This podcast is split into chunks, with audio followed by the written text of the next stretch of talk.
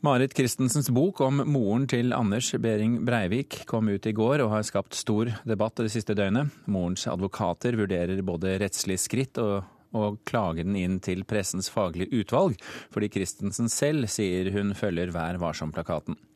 Generalsekretæren i Presseforbundet åpner for å ta boken til vurdering. Men her er det, en, det er jo en veldig spesiell sak, eh, og all den tid Marit Christensen selv så klart sier at hun kjenner Vær varsom-plakaten og har fulgt den. Og, og, hvis det er slik at, eh, at Wenche Breiviks eh, advokater ønsker å klage den inn, så er det klart at vi vil ta det på det største alvor. Generalsekretær i Norges Presseforbund Kjersti Løken Stavrum åpna i dag for at ei klage på boka 'Moren' kan bli vurdert av pressens faglige utvalg som aller første bok. Det overraska forfatter av boka, Marit Christensen. Jeg trodde ikke at eh, Pressens faglige utvalg skulle vurdere bøker, eh, litteratur. Det forundrer meg, men hvis eh, den meget nylig utnevnte lederen for Presseforbundet mener at Pressens faglige utvalg nå skal også være et organ for forlagsbransjen, så er det meget interessant. For Wenche Behring Breivik sin advokat Hans Marius Gråsvold er meldinga fra Stavrun svært interessant, og kan få følger for hvordan han vil jobbe videre med saka.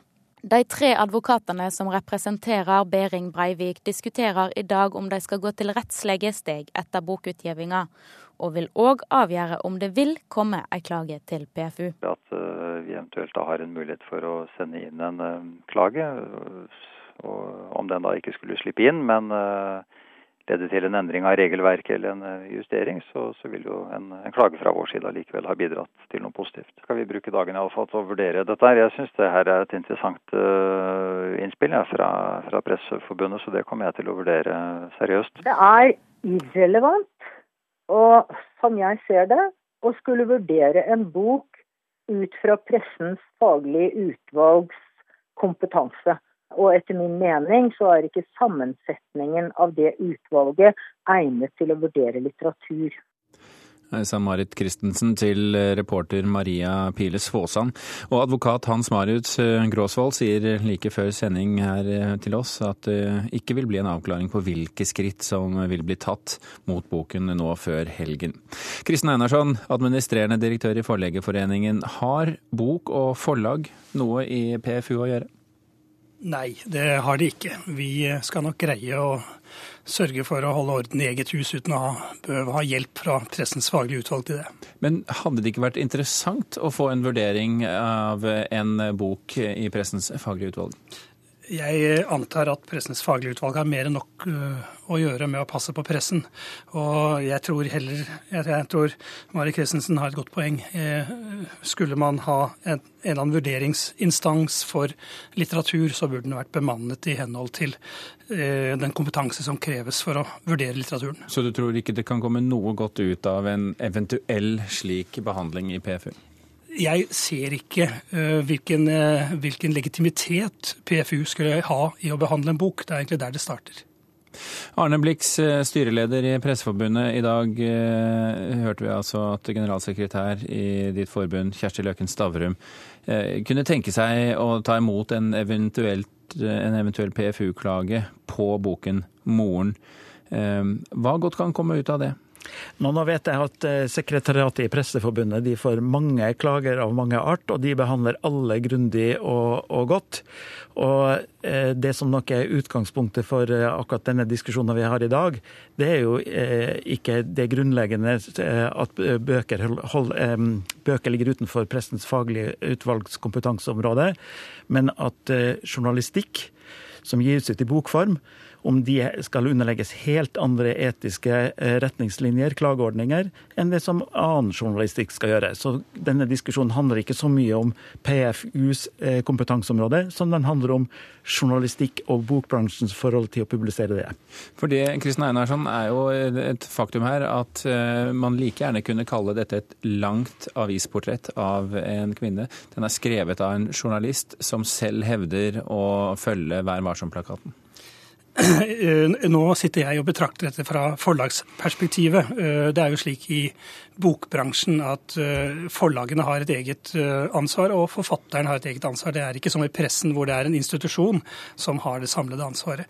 Og i et forlagsperspektiv så mener jeg at de vurderinger som er gjort i forlaget, og de har vært lange grundige. Dette har vært en lang prosess. Som man har forstått av debatten, så har de involvert tung ekspertise både på juridisk hold, og man har gjort mange etiske vurderinger. Sågar har forlaget redegjort for en del av sine etiske vurderinger på spørsmål fra pressen. Så for meg handler dette om eh, forlagsarbeid, kan ikke jeg se skal være en sak i Pressens faglige utvalg. Jeg kunne godt ha tenkt meg å tatt, eh, tatt eh, utgangspunkt i at eh, Eh, forlagsbransjen eh, eh, lever under de samme ytringsfrihetsregler som alle andre.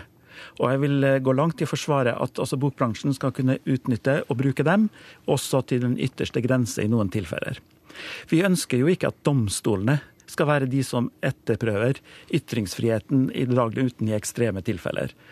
Det vi har erfart gjennom mange år, gjennom veldig mange saker, Eh, er at det, for, det, krever også et system hvor vi er transparente, hvor vi forteller om hvilke etiske rammer vi arbeider innenfor, hvordan forholdet mellom kilde og journalist er, hvordan publiseringsreglene skal være, hvilke klageordninger man kan ha, hvordan man kan få rettet opp feil osv. Denne saken viser tydelig forskjellen på hvordan et, eh, en diskusjon om etiske grenser i mediene som er redaktørstyrt er, og hvordan det er når man kommer med en bok med ganske sterkt innhold, og hvordan folk flest skal oppfatte det. Da er det juristene som kommer frem, og det er direktørene som kommer frem. Og der ser vi veldig tydelig forskjell på redaktørstyrte medier og eh, forlagsbransjen som det er nå. Det må man jo tenke gjennom, hvordan folk flest oppfatter dette. Har eh, forlagsbransjen noe å lære av, av PFU i pressebransjen? Det er alltid noen å lære av, av gode kollegaer i andre bransjer. Og nå har jo da pressens representanter også kommet med mange gode råd begge veier. Vi har hatt flere innlegg som råder oss definitivt ikke å, å ha et PFU. Eh, når det gjelder eh, det mer generelle spørsmålet som, som diskuteres her, som handler om altså hvordan uh, jobber man med disse prosjektene som er utfordrende, så er det jo slik at mens det er jo en, en, en 24 timers presseflom i et utall medier på pressesiden, så tror jeg at vi kan snevre denne diskusjonen på boksida til, ned til et titalls prosjekter per år som har den type refleksjonsbehov i seg. Og eh, som jeg sier, altså det å utvikle et bokprosjekt er en langsomt prosjekt. Det betyr at, eh, Som oftest er det iallfall det, og det betyr at man kan bruke mye tid på etiske og juridiske vurderinger. Både fra forfatterens side og fra forlagets side. Og Hvis vi tar gårsdagens utgivelse som eksempel. Etter at alt dette er gjort, så får man jo da en solid eh, offentlig gjennomgang, jeg har nesten sagt linje for linje i boka, som jo bidrar til å belyse de valg som er gjort i prosessen. Det er ikke slik at man ikke har vært seg bevisst de etiske og juridiske problemstillinger. Spørsmålet er hva ble konklusjonen? Og da er det offentlige apparatet er i gang med å, med å, drøfte og diskutere det nå. Og så vil det være, neste spørsmål være at hvis det, hvis det ikke belyser dette godt nok, så er jo domstolen da den muligheten man har for å jobbe videre. Det er ikke andre instanser, det er helt riktig, i dagens forlagsbransje. Blitz, ja, vær så god. Jeg kunne godt tenke meg å også si at uh, skjønner veldig godt at det å gi ut bøker er noe helt annet enn å gi ut nyhetsartikler eller radioinnslag eller TV-innslag. Uh, og det er en egen sjanger og en egen ramme. Og som regel er det jo langt utenfor det som gjelder presseetikken. Det kan være fag, det kan være roman, det kan være skjønnlitteratur osv. Men en ser vel kanskje også en sklidende overgang til at bøker eh, beveger seg virkeligheten, gir seg ut for å være journalistikk. Og straks det kommer inn på liksom vanskelig dokumenterbare ting, hvor kildene er mer usynlige, hvor underlaget er mer utydelig, så sklir man over i å kalle det roman eller, eh, eller en litt eh, blandingssjanger. Så jeg tenker at eh, eh, det er eh, viktig å ha en ytringsfrihet.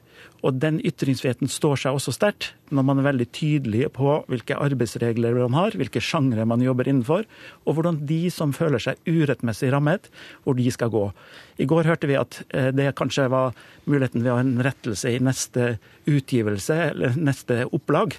Og jeg tenker at Det er i hvert fall noe når man beveger seg nær journalistikk. Så kan man ha kanskje noe å lære av en veldig lang tradisjon for å jobbe nettopp med spillereglene i det. Ja, så Det er jo ikke slik at vi ikke ser hva pressen gjør, og at ikke vi uh, gjerne kopierer og tar inn til oss uh, ting som er godt å hente fra det arbeidet som gjøres av bl.a. Pressens faglige utvalg.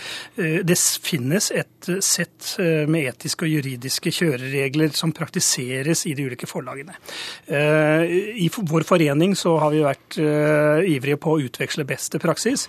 Nå setter vi oss ned. Vi, er, vi har satt ned et ytringsfrihetsutvalg som har to aspekter og det er veldig viktig i denne sammenheng. Altså, like mye som man har behov for en Vær varsom-plakat, så har man behov for en Vær modig-plakat. Altså, vi er veldig redde for at den type eh, offentlig belysning av ulike prosjekter som vi nå eh, ser, kan føre til at man blir for restriktiv, og at ikke de modige, eh, de, de, utfordrende prosjektene kommer.